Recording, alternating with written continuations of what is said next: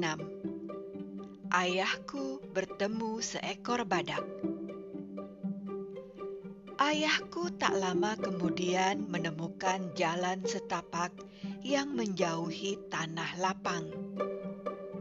Segala jenis hewan mungkin menggunakannya juga, tetapi ayahku memutuskan untuk mengikutinya, tidak peduli apa yang bakal ia temui, karena jalan itu mungkin menuntunnya ke tempat sinaga. Ia terus mengawasi depan dan belakangnya dengan hati-hati dan melanjutkan perjalanan. Saat ia merasa cukup aman, ia tiba di sebuah tikungan tepat di belakang dua ekor babi hutan. Salah satu dari mereka berkata kepada yang lain, "Tahukah kamu bahwa si kura-kura mengira mereka melihat uh, monyet membawa uh, neneknya yang sakit ke dokter tadi malam. Tapi uh, tapi neneknya monyet meninggal seminggu yang lalu. Jadi mereka pasti melihat sesuatu yang lain. Aku ingin tahu apa itu sebenarnya. Sudah ku bilang, ada sebuah penyusupan kata babi hutan yang lain. Dan aku bermaksud mencari tahu apa itu. Aku tak tahan dengan penyusupan-penyusupan. Uh, ajuku ja, kata sebuah suara kecil mungil. Uh, maksudku aku juga. Dan dari suaranya, ayahku tahu bahwa si tikus ada di sana juga. Baiklah, kata babi hutan pertama. Kamu mencari di jalan setapak ini menuju naga. Aku akan kembali ke jalan lain melalui tanah lapang yang luas, dan kita akan mengirim tikus untuk mengawasi lautan berbatu seandainya si penyusup memutuskan untuk pergi sebelum kita menemukannya. Ayahku bersembunyi di balik pohon mahoni, tempat pada saat babi hutan pertama berjalan melewatinya. Ia menunggu babi hutan lainnya untuk mendahului, tetapi ia tidak menunggu terlalu lama karena ia tahu bahwa ketika babi hutan pertama melihat para harimau mengunyah permen karet di tanah lapang, si babi bahkan akan lebih curiga. Tak lama kemudian, jalan setapak itu melewati sebuah sungai kecil.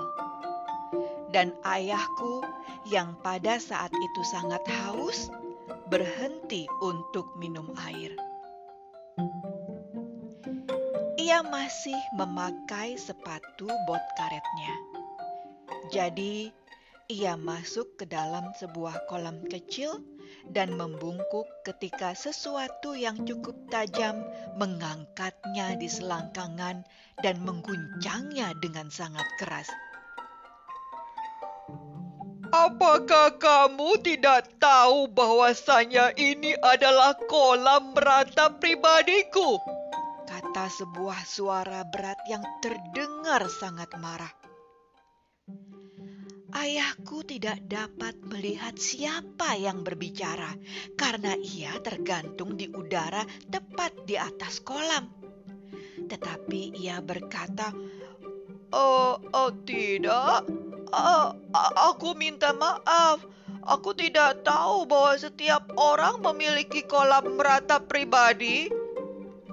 Tidak semua orang, kata suara yang marah tapi aku memilikinya karena aku punya hal yang begitu penting untuk diratapi, dan aku menenggelamkan semua orang yang aku temui tengah menggunakan kolam ratapanku. Setelah itu, si hewan mengayun-ayunkan ayahku naik turun di atas air. Oh, oh, apa apakah apakah yang kau begitu banyak uh, engkau ratapi? Tanya ayahku berusaha mengatur nafas dan ia memikirkan semua barang-barang yang ada di dalam ranselnya. Oh, aku punya banyak hal untuk diratapi, tetapi yang paling penting adalah warna tandukku. Ayahku menggeliat ke segala arah mencoba melihat tanduk si hewan. Tetapi selangkangannya menghalangi yang membuatnya tidak mungkin melihat. Ketika dulu aku adalah badak yang muda. Julaku berwarna putih bak mutiara, kata hewan itu. Dan kemudian ayahku pun tahu bahwa ia duduk tergantung di atas tanduk seekor badak. Tetapi julaku telah berubah menjadi kuning keabu-abuan kusam di usiaku yang tua ini. Dan aku merasa sangat buruk. Kamu tahu, semua hal lain tentangku adalah buruk. Tetapi ketika aku memiliki cula yang indah, Aku tidak terlalu khawatir tentang hal-hal itu. Kini culaku juga jelek.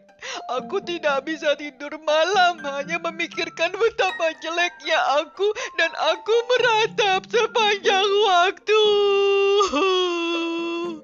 Tetapi, uh, mengapa aku harus memberitahumu hal-hal ini? Aku menangkapmu sedang menggunakan kolamku dan sekarang aku akan menenggelamkanmu. Oh, oh, oh, tunggu sebentar, Badak, kata ayahku. Aku punya beberapa hal yang akan membuat culamu menjadi putih dan indah lagi. Biarkan aku turun dan aku akan memberikannya kepadamu. Badak berkata, Kamu punya sesuatu? Hmm, aku hampir tak mempercayainya. Hah? Betul? Oh, aku senang sekali. Si badak menurunkan ayahku dan menari berputar-putar sementara ayahku mengeluarkan sebuah pasta dan sikat gigi. Nah, sekarang, kata ayahku, gerakan saja culamu sedikit lebih dekat dan aku akan menunjukkan kepadamu bagaimana memulainya. Ayahku membasahi sikat di kolam, memencet pasta gigi, dan menggosokkannya sangat keras di satu area kecil pada cula badak. Kemudian ia menyuruh si badak untuk mencucinya dan ketika kolam itu tenang lagi, ia menyuruh badak untuk melihat ke dalam air dan melihat seberapa putih area kecil itu. Sulit untuk melihat dalam cahaya remang-remang hutan, tetapi sudah pasti area itu bersinar putih bak mutiara, seperti baru badak pun sangat senang sehingga ia merebut sikat gigi dan mulai menggosok dengan keras sama sekali melupakan ayahku. Di saat itulah ayahku mendengar langkah-langkah kaki dan ia melompat ke belakang tubuh si badak itu adalah babi hutan yang kembali dari tanah lapang tempat para harimau mengunyah permen karet. Si babi memandangi badak, sikat gigi, dan pasta gigi. Lalu ia menggosokkan telinganya ke batang pohon. Eh, badak, coba bilang, katanya. Di mana kamu mendapatkan tabung pasta gigi dan sikat gigi yang bagus itu? Eh, aku terlalu sibuk, kata badak dan ia terus menyikat sekuat tenaga. Babi itu mengendus dengan marah dan berlari menyusuri jalan setapak menuju naga, bergumam pada dirinya sendiri, Sangat mencurigakan. Harimau terlalu sibuk mengunyah permen karet. Badak terlalu sibuk menyikat culanya. Penyusup harus ditangkap.